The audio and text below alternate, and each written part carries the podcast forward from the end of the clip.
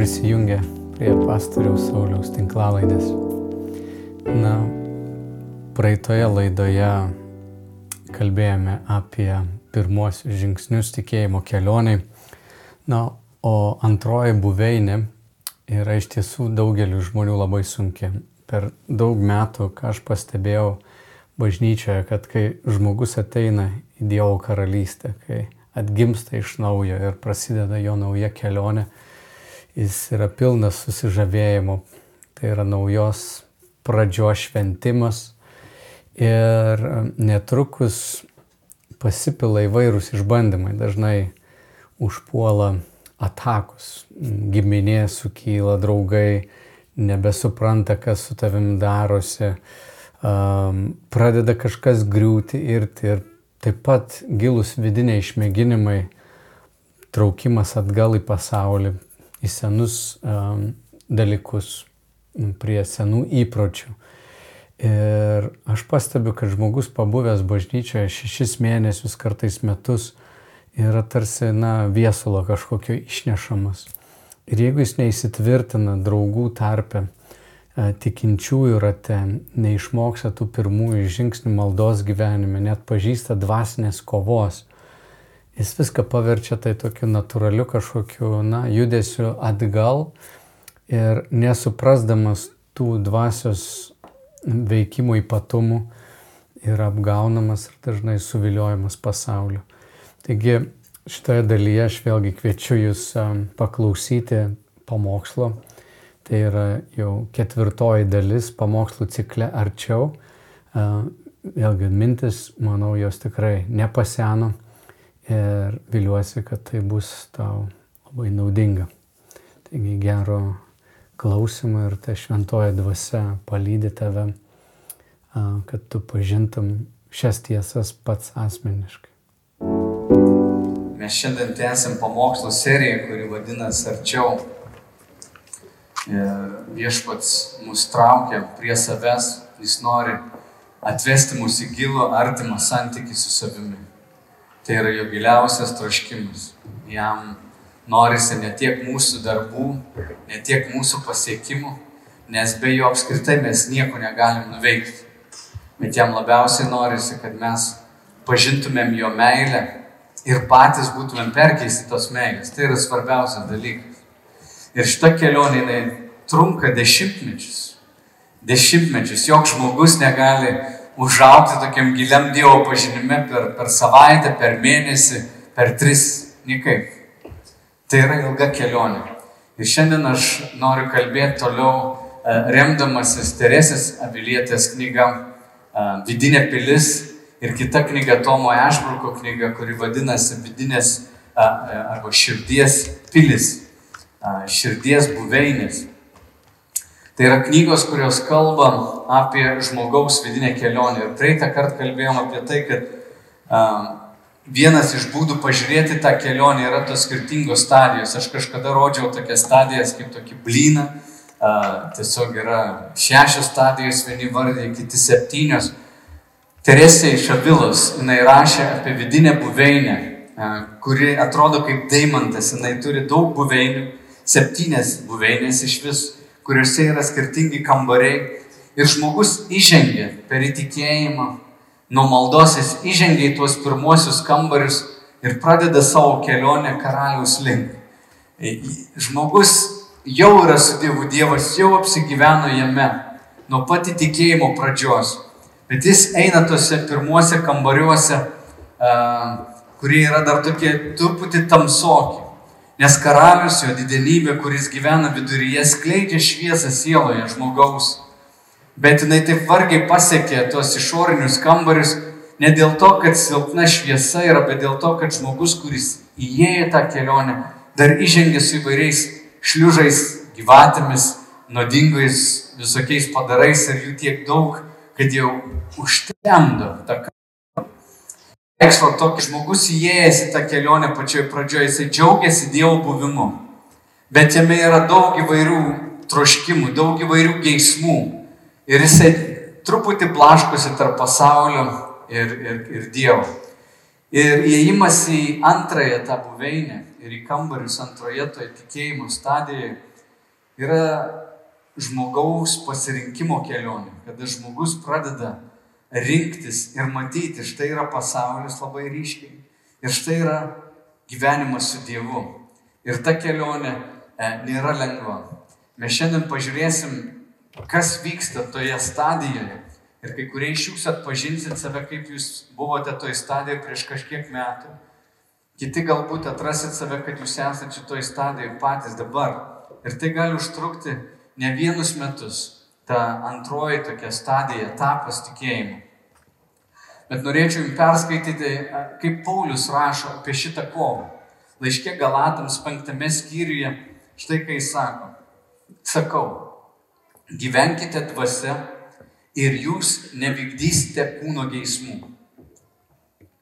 Gyvenkite dvasia, tada jūs nevykdysite kūno geismų, ko yra pilna žmoguje.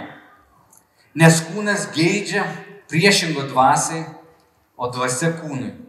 Jie vienas kitam priešingi, todėl negalite daryti visko, ko norėtumėte. Tai žodžiai tariant, negali gyventi bet kaip ir galvot, kad viskas bus tvarkoje. Bet jei jūs dvasios vedami, nebesate įstatymo valdžioje. Kūno darbai aiškus. Tai paleistuvavimas, ištvirkavimas, netirumas, gašlavimas, stabmeldystė, burtininkavimas, priešiškumai, nesantaikos, paviduliavimai, piktumai, vaidai, nesutarimai, susiskaldimai, pavydai, žmogžudystės, girtavimai, orgijos ir panašus dalykai. Įspėju jūs, kaip jau esu įspėjęs, jog tie, kurie taip daro, nepaveldės Dievo karalystės. Bet dvasios vaisiai yra meilė, džiaugsmas, ramybė, kantrybė, malonumas, gerumas, ištikimybė, romumas, susivaldymas. Tokiems dalykams nėra įstatymų. Ir kurie yra Kristaus, tie nukryžiavo kūną su aistromis ir geismais. Jei gyvename dvasia, tai ir elkimės pagal dvasę. Apaštalas Paulius labai gerai supranta, kad pagal įstatymą, vien dėl to, kad žmogui pasakysim, nedaryk to, negeisk, neliesk, neik ten, nežiūrėk taip, tai nesuteikia žmogui jėgos gyventi naują gyvenimą. Todėl jis sako, kad mes esam kviečiami ir dvasia mus kviečia sekti Dievo dvasia ir pasikliauti Dievo dvasia, Dievo jėga, ne įstatymu ir netaisyklėmis. Taisyklė nesuteikia jėgos. Vien dėl to, kad tau kažkas pasakė, nevok, negeisk, tai tau nesuteikia jėgos to nedaryti. Atvirkščiai dažnai vyksta, sukyla dar labiau mintis ir pradedi galvoti, aš neturėčiau vokti, aš neturėčiau apkalbėti. Kiek kartų aš esu apkalbinėjęs žmogų, kaip man sustoti apkalbinėti? Kaip man iššauti pavydą iš savo širdies? Ir Paulius sako, ne, jūs nežiūrėkite į įstatymą, įstatymas neduos jėgos. Sekite dvasia, pasikliaukite Dievo dvasia ir Dievo dvasia jums duos jėgų gyventi kitaip. Kai žmogus įžengia į tą antrąją tikėjimo stadiją, jo gyvenimas jau yra pagerėjęs. Jis jau išsilaisvina iš kai kurių baisių dalykų. Dažnai žmogus padaro sprendimus, kurie galbūt buvo žalingi. Jis jau pakeitė kompaniją. Jis jau nebebendrauja gal su tai žmonėmis, kurie nutemtų į žemyn. Bet jo gyvenime dar labai e, daug sumaišties. Ir čia prasideda pirmieji tikėjimo sunkumai pirmieji tikėjimo išbandymai. Ir žmogus savo jėgomis negalės laimėti tų dvasinių kovų. E, šioj buveinė, kai žmogus įžengia į šitą etapą, jis labai dažnai jaučiasi toks kaip šizofrenikas truputį. E, jo širdis geidžia ir vieno, ir kito. Jis dar neturi suformuotų e, tikėjimo įpročių. Jis dar neišmokęs melstis dar neišmokęs reguliariai susitikti su Dievu, dar nėra išmokęs skaityti reguliariai Bibliją, suprasti ją. Ir jo gyvenime prasideda tokie rimtos, rimtos labai kovos. Teresė rašo apie tokį žmogų štai kaip. Sakau, kad šitie, turi daug, e, vargti daugiau e, nei pirmieji, nes pastarieji yra kaip kurčnebiliai. Kadangi negirdi, lengviau pak, pakelia ir nekalbėjimo kančia. Jo balsas, viešpaties balsas, yra toks meilus, kad vargšė siela nyksta iš sielvarto, kad nedaro to, kas jai liepima. Todėl ir sakau, kad kenčia daugiau nei ta, kuri negirdi. Žmogaus širdis jau yra pažengusi toliau, išgirdo viešpaties balsą, pažino jo meilės. Bet kai padaro kažką nuodėmingo, labai vargsta ir labai dėl to kremtis. Kai anksčiau dar taip negirdėjo arba žmogus apskritai nebuvo tikintis, jo nevargino kažkokie, kažkokios įtampos vidinis. Jam dėl to per daug neskaudėjo. Bet pažengus truputį toliau, pažinus jau Dievo, paragavus jo, negebėti paklusti jam, nesugebėti padaryti tai, kas yra teisinga, neša labai didelę kančią. Aš tokį paveikslą mačiau uh, savo prote. Mažas vaikas. Jis eina įsikibęs į tėtį. Ir jausmas yra nuostabus. Tėtis jo rūpinasi, veda, jam net nereikia paklausti, e, kur, kur mes einam, jis jaučiasi labai saugiai, tvirta ranka įtempia, įveda. Jeigu bala yra tėtis, gali perkelti per balą. Ir vaikas eina, žiūri čia, truputį, va, šuniukas kažkoks bėga, ten ledų yra ir vairiausių tokių gundimų, jis nori balą iššok pašokinėti. Ir vyksta toks dalykas, štai ta antra stadija labai panašiai. Tėvas paleidžia ranką ir jo nebėra. Ir vaikas pasimeta. Ir pradeda galvo palauk. Tėčio nebėra. Aš ir šuniuko noriu. Aš dar ir to norėčiau ir į balą kažkur iššokti. Aš dar norėčiau kažkur nubėgti, kažką daryti. Bet širdį jau, kur tėtis? Kur yra mano tėtis? Ir tai tampa tokio pokyčio pradžia. Žmogus pradeda ieškoti, kur yra Dievas. Ir kai jis jo nebemato, kai jis jo nebegirdi, jis pradeda ieškoti, kur jis dingo. Ir čia vyksta širdies pokyčiai žmogaus viduje. Jis pradeda galvoti, palauk, tie visi dalykai yra gerai, bet aš suprantu jų laikinumą. Jis pradeda suvokti, kad šitas santykis visgi yra pats svarbiausias. Ir čia reikia daryti apsisprendimą. Ar aš noriu lakstyti čia, nes iš vienos pusės visiška laisvė. Aš dabar galiu pabėgti. Aš galiu ką noriu liktai daryti.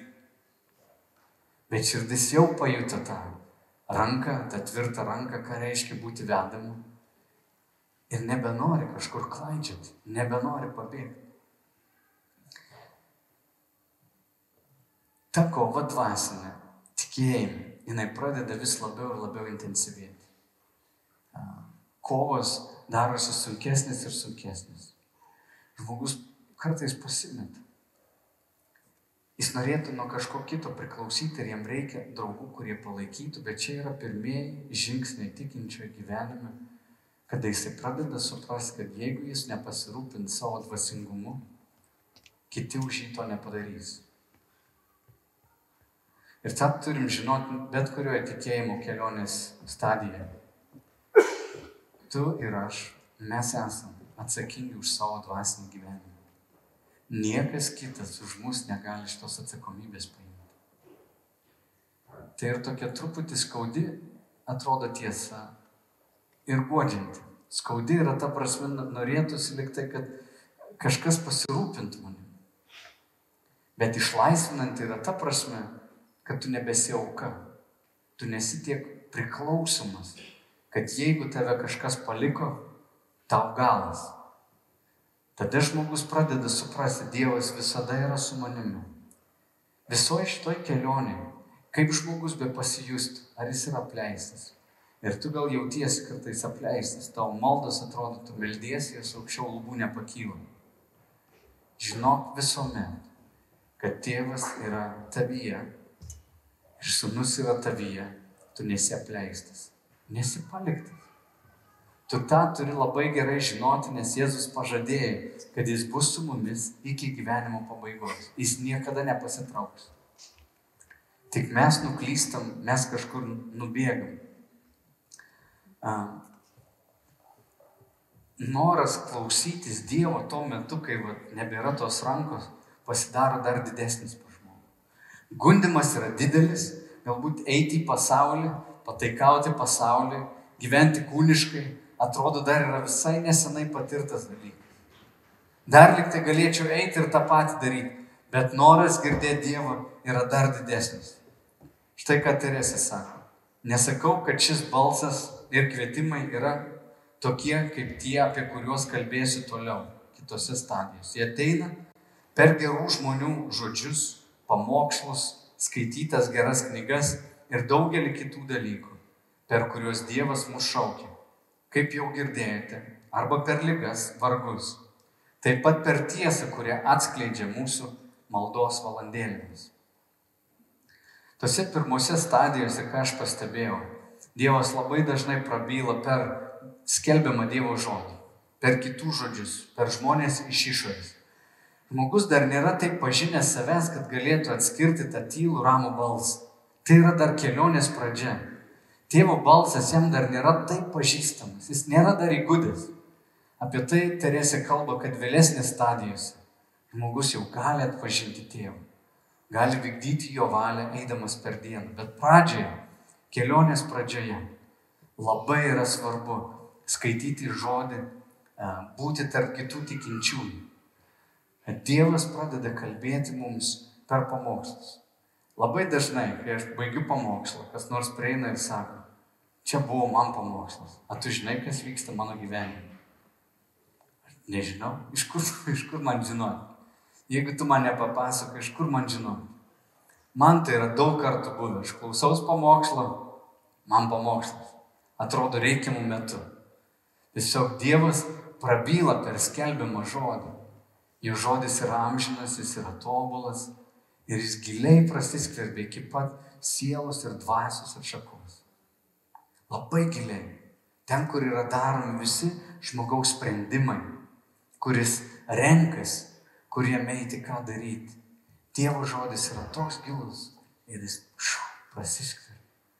Todėl, kai mes susirinkam bažnyčią, kai mes klausom Dievo žodžio, turim visada būti įtempę ausis. Tėve, kalbėk man, aš noriu tave pažinti, aš noriu tave išgirsti. Bet ta kova, tie gundimai, jie yra intensyvūs. Labai dažnai tenka matyti tikinčiojo gyvenime, kaip pradeda aplinka sukilti, kaip pradeda dažnai draugai skalpuoti. Kas tau pasidarė, kodėl tu nebedarai to, ką darėjai.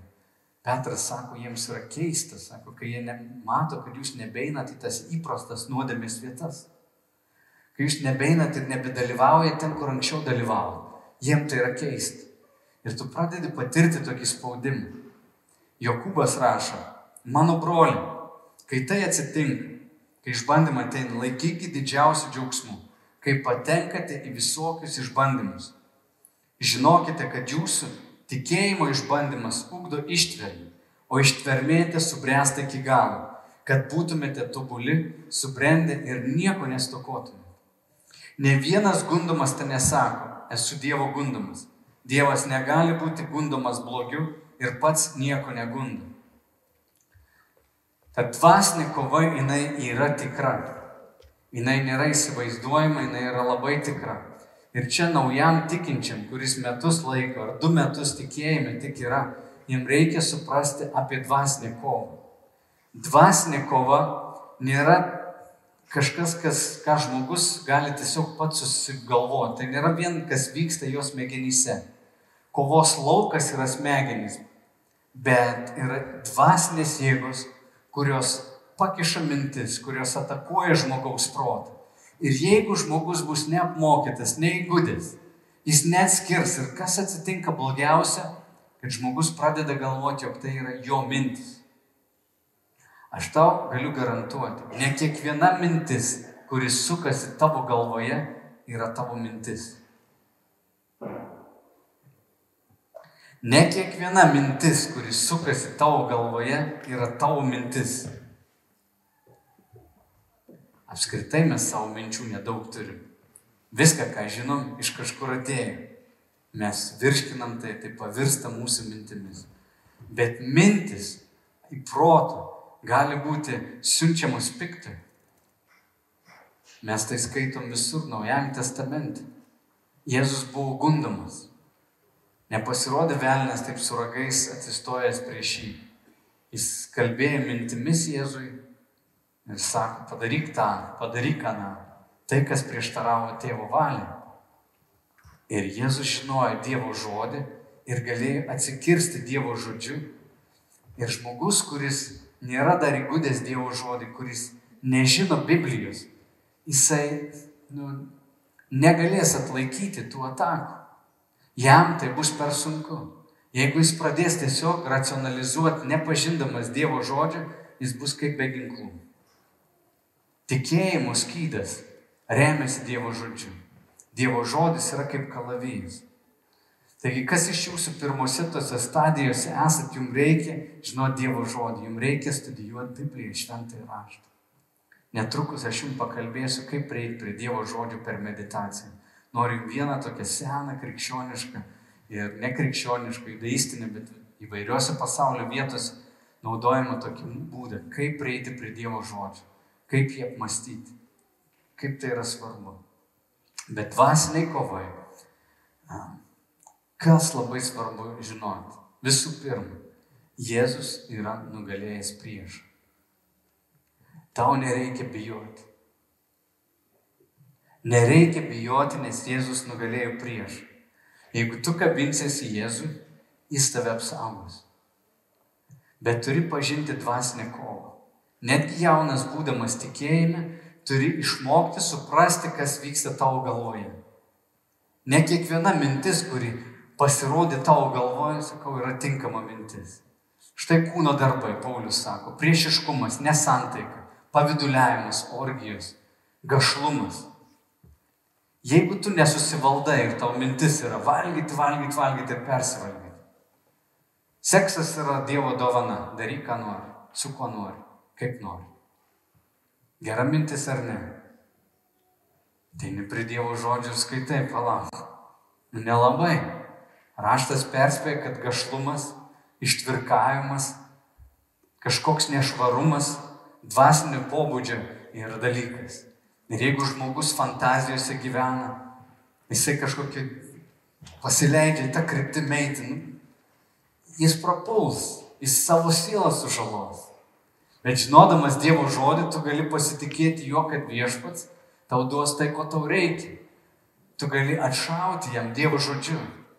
Bet žmogus, kuris nekreipia dėmesio ir mintise nesusigaudo, tai pradžios kelionė, jis gali būti nugalėtas. Ir čia kai kurie žmonės užstringa besikartojančiose nuodėmėse vėl ir vėl ir vėl.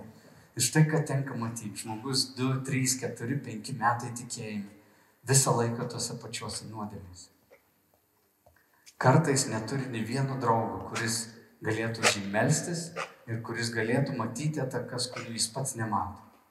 Jis eina vienas ir galvoja, kad jam viskas bus gerai. Bet tai gali tęstis penkis metus, dešimt metų ir jis taip tebėra toj antroji stadijai. Jis nesuformuoja jokių tinkamų įpročių, jam sunku sustoti, jis tiesiog lieka savo tokiam besisukančiai kaltėjai. Ir kadangi nepažįsta Dievo širdies, nepažįsta jo meilės, kaip Jėzus yra jo išsilgęs, jis save kaltina, jis, jis gyvena kažkokioj gėdoj ir dažniausiai kiekvieną gundimą priima kaip kaip savo min, mintį. Dėl to jaučia pasmerkimą. Ir vietoj to, kad tai iškeltai paviršių, žmogus ateitų pas kitą ir sakytų, aš nesusitvarkau, aš persivalgau, ar aš negaliu sustoti pornografiją, mano gyvenimą užvaldė. Aš negaliu sustoti apkalbinėdamas. Aš visą laiką pavydžiu ir visą laiką esu nepatenkintas. Kaip man iš to išlipti? Aš visą laiką grįžtu kaip, kaip ta šuo prie savo vėmalų atgal į purvą. Vis grįžtu ir grįžtu. Ir čia jau tam jaunam tikinčiam reikia pagalbos. Jam reikia pagalbos, kad jis galėtų įtvirtinti tas, e, tą buvimą su Dievu. Kad Dievo žodį pažintų, jam reikia, kad šalia jo būtų kitas tikintis, kuris galėtų už jį pasimelsti. Tie, kurie iš jūsų perėjo per šitą etapą, būkite geri. Atkreipkite dėmesį tuos, kurie neperėjo. Pažiūrėkite juos. Pasimelskite už juos. Palaikykite. Štai kodėl mes, kai kalbam apie mažas grupelės, mažas grupelės bažnyčiai nėra kažkokia programa šiaip savo egzistuojanti. Vadink kaip nori, tai yra mūsų draugystės, kur mes žinom, kas vyksta vienas kito gyvenime. Ir mes vienas kitą galim palaikyti, nes mes matėm jau vienas kitą einant toj kelionį. Mes žinom, kai kažkam yra sunku. Ir pasakysiu dar, šitame etape labai svarbu išmokti prašyti pagalbos.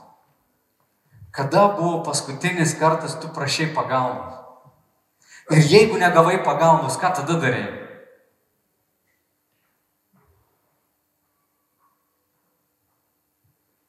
Turi nueiti pas kitą. Dar pas kitą. Tu prašai pagalbos ir sakai, Dieve padėk man. Siūsk man žmonių. Aš nenoriu eiti vienas nepriklausomai. Aš turiu pastorių draugų, su kuriais nu, galiu pasikalbėti apie kas mane slegia. Kai kuriem iš jūsų sunku galbūt suprasti mano gyvenimą. Ne visada aš galėsiu ateiti pas tave pasiguosti. Ne visada. Man paprasčiau ateiti pas tą, kuris irgi gyvena kaip aš. Tu irgi susiras žmogų, kuris gyvena panašiai kaip tu, bet yra, žinai, 10 žingsnių priekį. Net 150 km priekį. 10 žingsnių priekį. Ir paprašyk, kad jis padėtų tau. Kai kuriem iš jūsų jūs užstrigę taip esat, kad savo smegenis visą laiką prikišat šlamštą.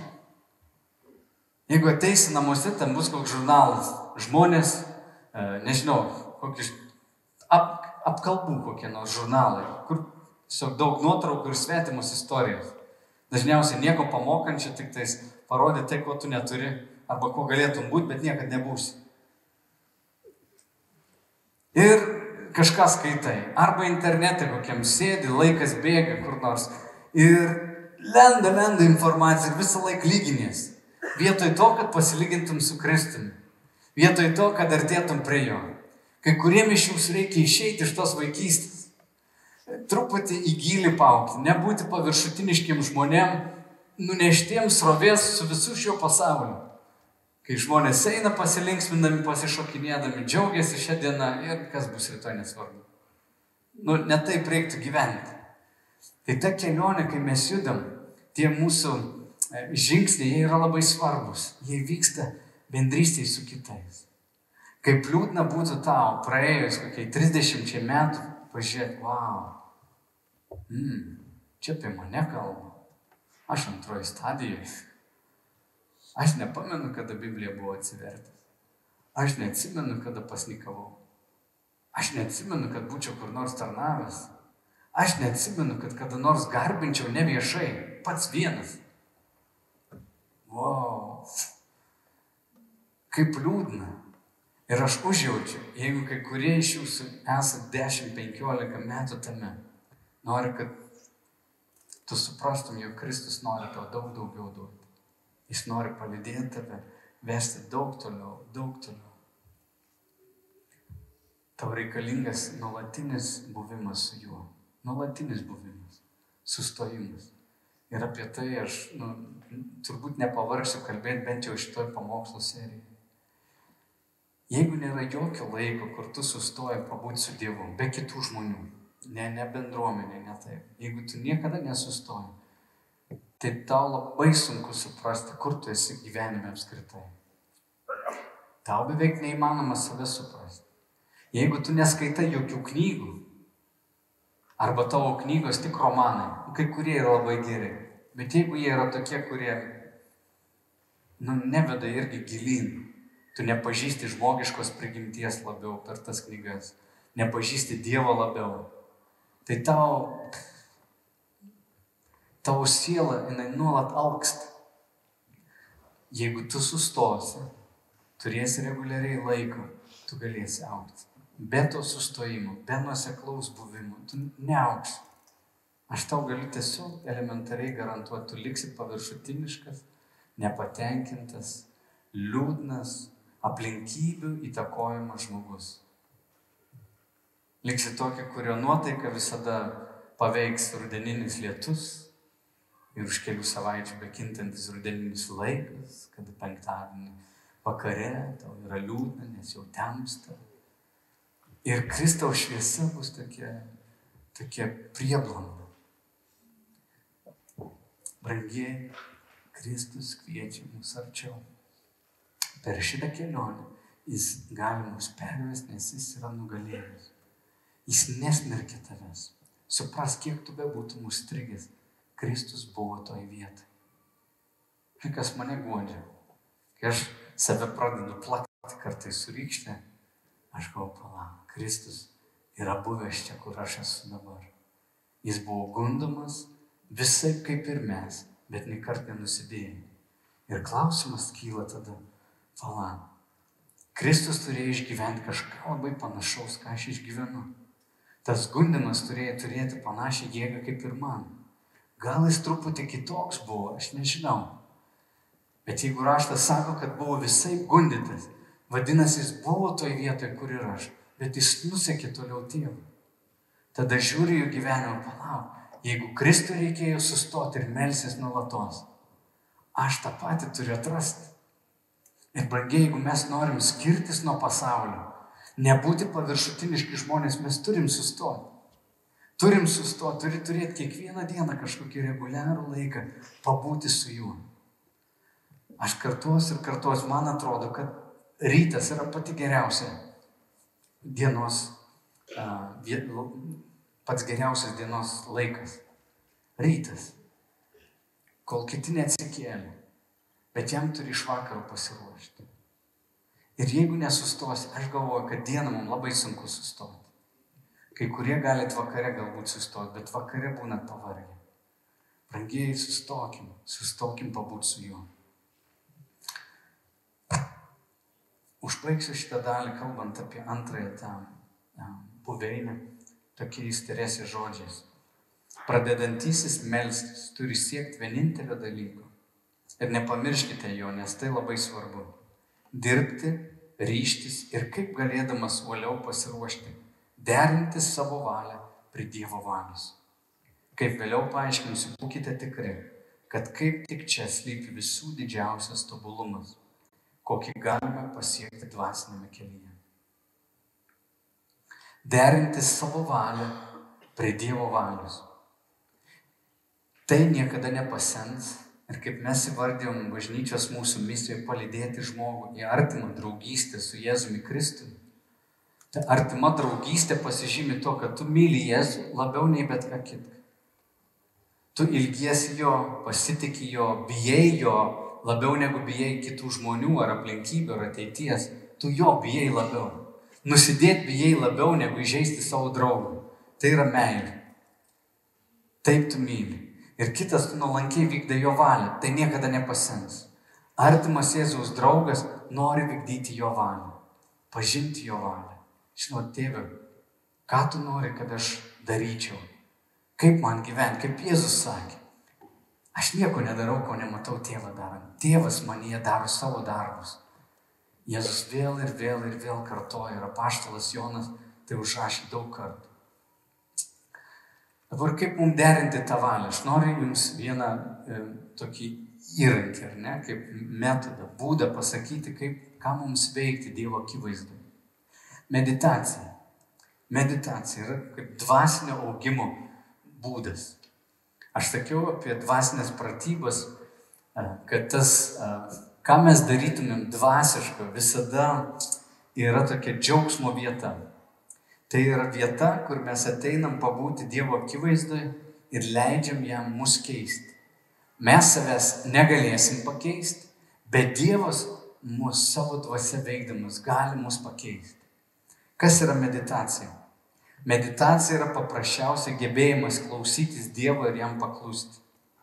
Richardas Fosteris, kuris parašė dvasinės pratybos gyvenimo džiaugsmui knygą, sako, kad atgaila ir paklusnumas yra esminiai biblinio požiūrio į meditaciją elementai. Štai psalmėse, 119 psalmė pasakyta, kaip aš myliu tavo įstatymą, mąstau apie jį ištisą dieną. Nuo bet kokio pikto kelio susilaikau, nes klausau tavo žodžių. nuo tavo sprendimo nenukrypau, nes tu mokai mane. Tėvas moko mus labai švelniai. Jis moko labai jautriai. Žino, ką pasakyti mums. Kai mes medituojame, Tomas Kempietis yra pasakęs, mes ūkdome draugystę su Jėzumi Kristumi.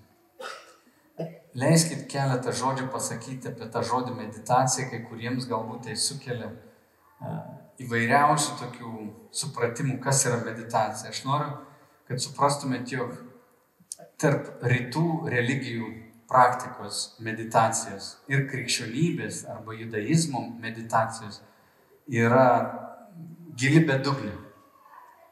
Tai nėra panašu. Meditacija rytų praktikoje, kaip įprasta, yra žmogaus kelionė į savęs ir savo protą ištuštinimą. Tai yra atsisakymas minčių, tai yra atitolimas nuo savo geismų, nuo savo jausmų, tai yra siekimas atsiriboti nuo mūsų supančio pasaulio. Atsiriboti, kad nebūtum prisirišęs prie pasaulio dalykų. Kad materialus pasaulis e, nevaldytų tavęs. Tikslas yra pasiekti gilę vidinę ramybę, tokia būti, galbūt nirvana galim sakyti, kur žmogus atitolsta nuo visko yra tokia palaimos būsena. Kartais tų žmonių gyvenimai yra pilni ramybės, bet jiem labai sunku būti pasaulio aplinkoje. Kartais net šeimos suyra, su vaikais sunku susitarti, nes visi materialus pasaulis lik trukdo. Nes jis, kaip netikroji ta būtis, veržiasi į tavo vidų. Krikščioniška meditacija, apmąstymas yra visiška priešingybė. Mes esame pasaulyje, bet mes siekime prisirišti prie Jėzaus, pažinti jį ir pripildyti savo protą, savo mintis jo pažinimu, jo žodžiais. Krikščioniška meditacija siekia nepatraukti tave kažkur toli iš pasaulio, kad tu būtum atsiskyrėlis, bet atvirkščiai pripildyti tave Kristum jo pažinimu, kad kai tu būni su vaikais, kai tu būni darbovietė, kai tu būni kažkur autobuse, kai tu būni kažkokio aplinkoje, tu galėtum šviesti Kristų, būtum pilnas ramybės audroje, e, audroje, sumaištyje, kur daug pykčio, neapykantos, tu galėtum būti ramus ne dėl to, kad nuo visko atsiriboji, bet dėl to, kad prisirišai prie Kristaus. Ar suprantat skirtumą? Yra didelis skirtumas. Ne patapti tokia besmenė kažkokia būtybė ir atsisakyti savęs, bet atvirkščiai apsikabinti Kristų ir leisti, kad tai, kas yra Kristus, paversų tavo gražiasias savybės dovana kitiems. Tokia yra krikščioniška meditacija. Kažkuria prasme, kai mes prie Kristaus prisirišam, mes atsiribojam nuo pasaulio. Mes nebemėgstam tų pačių dalykų, ką žmogus pasaulyje galbūt mėgsta. Mums keista pradeda darytis, kai mes matom didelę puikybę ir kažkas perdėtai giriasi arba siekia garbės. Mums taip įtartinai atrodo. Dėl to, kad mes prie Kristaus prisirišom, kuris patapo visų tarnų. Mes atnaujinam savo protą. Kitas dalykas, kas gali tau stabdyti ir sakyti, meditacija, nu, čia yra pastorių reikalas, dvasininkų, kurie turi pamokslauti. Ką čia man paprastam žmogui dabar medituoti? Meditacija turbūt yra per sunkiai. Noriu tave labai nuraminti, kad meditacija yra labai paprastas dalykas. Vienas iš, iš mąstytojų, Tomas Mertonas yra pasakęs, iš tiesų meditacija yra labai paprasta, tad neverta daug kalbėti, kaip ją praktikuoti. Jis labai paprasta. Ir kas nors dar gali pasakyti, nu gerai, jinai paprasta, bet tada labai nepraktiška. Ką jinai man duos? Kažkur pasėdėti ant kalno ir pamastyti, taip, Dievas yra šventas, Dievas yra šventas, pagalvosiu ir to pasibaigs. Dievas šventas. Nu, jaučiuosi biški ramiau einu į darbą. Ne, meditacija, aš kaip sakiau, nepatraukia mus iš praktinės mūsų va, gyvenimo dalies, ar ne? Nepatraukia. Jis atveda mus visą mūsų būtimi būti ten, kur mes esame. Kai mes medituojame, mes mastom apie Dievo žodį. Tai yra tikra Dievo malonės dovana. Tai tas troškimas atsigręžti į Dievą yra jo dovana. Kiekvienas, kiekvienas tikintysis karts nuo karto jaučia tą kvietimą. Ateik, ateik. Tai yra jo malonės dovana. Kartais mes sakom, ne, ne, aš negaliu, aš nešventas. Kartais, ne, ne, ne, aš neturiu laiko. Kartais sakom, mm, nežinau, Jėzau, aš nusidėjau tau, aš negaliu ateiti. Bet šventoji dvasia visada ragina, ateik, ateik, ateik, ateik. Priimk tai kaip dovaną. Ir tas troškimas, suprask, yra pažadas kitų dovanų, kurias Dievas tau nori duoti. Bet turi atsiliepti tą pirmą žingsnį, kai sako ateik. Ateik pas mane, ateik pabūti su manimi, kai tu tą pajusi, atsiliepk ir žinok, kad Dievas duos tau dar didesnių dovanų po to. Dabar kaip medituoti. Medituoti paprasčiausia. Yra keletas būdų, bet vienas paprasčiausių, tokių saugiausių būdų, tai paimti šventą raštą, kažkokį ištrauką ir labai nedaug paskaityti ir apie tai pamastyti. Aš visą šią savaitę medituoju apie Mortą ir Mariją. Duosiu jums pavyzdį. Štai istorija. Jėzus keliauja, Morta pakviečia uh, Jėzų užeiti namus. Jėzus užeina į namus, Morta rūpinasi visokiais patarnavimais, ruošia maistą. Marija sesuo atsisėdus prie kojų, žiūri Jėzų, klausosi jų žodžių. Mortai trūksta kantrybės, sako, Jėzu, ar tau nerūpi, kad Marija mane padeda? Pasakyk jai, kad jinai eitų daryti tai, ką aš darau. Jėzus sako, Morta, Morta, tu rūpinėsi tiek daug dalykų, bet reikia tik vieną. Marija pasirinko geresnę dalį, kuri nebus iš, jo atimta, iš jos atimta. Ir visą šią savaitę aš ir atsikeliu, aš, aš galvoju, pradedu įsivaizduoti save kaip dalyvį. Aš galvoju, kaip Morta, sėdžiu prie Jėzaus kojų, galvoju, koks Jėzaus veidas. Jėzus kalba, kažką turbūt labai svarbaus. Aš galvoju, ar Jėzus visą laiką šipsojęs, ar kartais buvo susiraukęs. Hmm.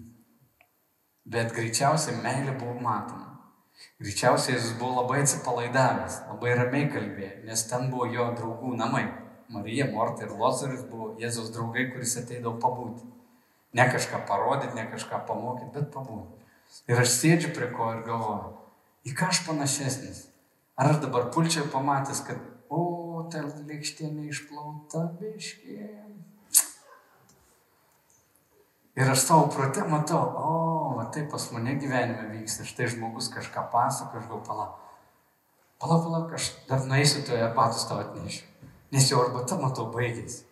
Ir aš pamatau save, kad aš kaip morta lakstau. Jėzus sako, Marija pasirinko geresnę dalį. Puiku, kad yra arbatos, puiku, kad yra paruošta, kad kažkas pakvietė. Morta pakvietė, ne Marija Jėzų pakvietė. Jinai nuostabi moteris. Jinai pakvietė Jėzų, jinai nori būti su Jėzumi. Bet jinai taip viską nori dėl jo padaryti, kad net pačiam Jėzui pasakyti, ką reikia daryti. Taip aš tave myliu, kad aš tau noriu papasakoti, va, koks tavo gyvenimas turėtų būti. Marijagi tiesiog nori būti. Žinot, visą šią savaitę aš mastau apie tą dalį ir galvoju, Ar yra didesnė dovana žmogui, kaip dovana būti? Kai esi su žmogum, tu nieko iš jo nereikalauji, nieko nesitikė, nieko nebandai jam parduoti, nieko nebandai jam įkišti, tiesiog būti. Ir taip aš sėdžiu, atsisėdęs pas save maldos kambarėlį ryte.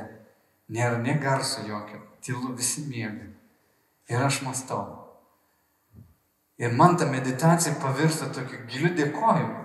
Aš pradedu dėkoti Jėzui, kad Jėzus nori būti su manimi. Kad kai aš pasakau Jėzu, ateik pas mane į svečius, jis visą laiką ateina, jis yra manyje, jis yra šalia manęs. Širdis pradeda džiaugtis, galvoja, kaip man gera būti su Jėzumi. Aš vėl noriu pabūti, aš noriu grįžti, pamedituoti. Ir visą šią savaitę aš buvau keliose vietose ir, nežinau, gal su trim grupėm žmonių dalinausi. Vakar mes čia buvom, statėm kėdės, prieš statant sakau, Noriu pasidalinti, ką mačiau šią savaitę. Pasidalinau, ką dabar su jumis dalinuosi. Ar jums atrodo, kad čia sudėtinga? Tokie reikia teologinio išsilavinimo. Ne. Paimi tą žodį ir skaitai. Ir tada gali įsivaizduoti save kaip dalyvį ten, gali įsivaizduoti, kaip Jėzus atrodė, gali įsivaizduoti, kiek to veiksmo, kiek buvo žmonių, gal visi susigrūdė, visi klausus. Ar visi galbūt lakstė ir viena Marija sėdėjo. Tada pradedi galvoti, o mano draugų tarpe kaip yra. Visi laksto, ar visi sėdi. Ir tai veda prie tokių praktinių dalykų, tada kai žmogus jau būna kažkur šalia manęs, man norisi išgirsti. Ir aš pajuntu, kad pas mane širdį jau kažkaip kitaip yra. Aš noriu nurimti, aš noriu tiesiog būti. Štai ką man duoda meditacija. Apmąstymas Dievo žodžio. Kiekvienas iš mūsų galim tai padaryti. Kiekvienas iš mūsų galim prie to prieiti. Labai paprasta. Taigi jo kvietimas ateiti visada visada yra šalia. Nepraleisk tų momentų. Jie neteina kiekvieną dieną. Neteina kiekvieną dieną. Kai tu pajusi tą malonę, tą šaukimą, atsiliek. Net jeigu reiktų atsisakyti kokio nors darbo, tiesiog nueik, pabūk, išeik į lauką. Galim medituoti pat apie jo kūrinyje, mąstyti, kaip viskas yra sukurta. Romanas mus nuvedė į labai mini meditaciją, pamaldų pradžioje. Pažiūrėk į ranką, milijonai lastelių, viskas veikia. Neturėtum nykščio, būtum neįgalus žmogus su nykščiu, tai kiek daug gali viską padaryti. Kokia dovana nykštys? Ar ne? O. Kiti neturi. Turėtum kanopą, būtų baisu. Ir tu galvoji, Dieve, dėkui tau už rankas. Kaip gerai, kad ne kanopas. Kaip gerai, kaip gerai. Ir dėkingumas kyla. Ir tu gali dėkoti. Ir paprastumas tame yra. Bet tame yra ir gylis. Tavo brangiai, noriu noriu padrasinti jūs, kurie esate antroji toj stadijoje. Labai noriu padrasinti. Nepavark kovoti gerą tikėjimo kovą. Apaštalas Paulius žinojo, kad gali būti sunku. Ir jis parašė, žinokit, korintiečiai, Dievas niekada neleis jūsų gundyti labiau, negu jūs galite pakelti. Niekada, niekada taip nebus. Jis neleis jūsų gundyti labiau, negu jūs galite pakelti. Bet su kiekvienu gundimu duosi ir išeitį. Ir tu ieškai tos išeities. Ir žiūri, kad va, Dievas veda tolyn ir jis veda artin savęs, kad mūsų širdis jį pamiltų. Ir jeigu tu jauties, kad ranka paleista, tėvelio nebėra ir jauties, kur to veit, grįžk atgal. Bet būk su kitais tikinčiais tu susiras turi kažką, kas už tave melstusi, kas tau padėtų. Kai kurie suraskim kitus, kuriem reikia maldos. Bet būkim susijungę arti. Gerai? Amen. Amen reiškia, aš tikiu, pritariu, tai yra tiesa.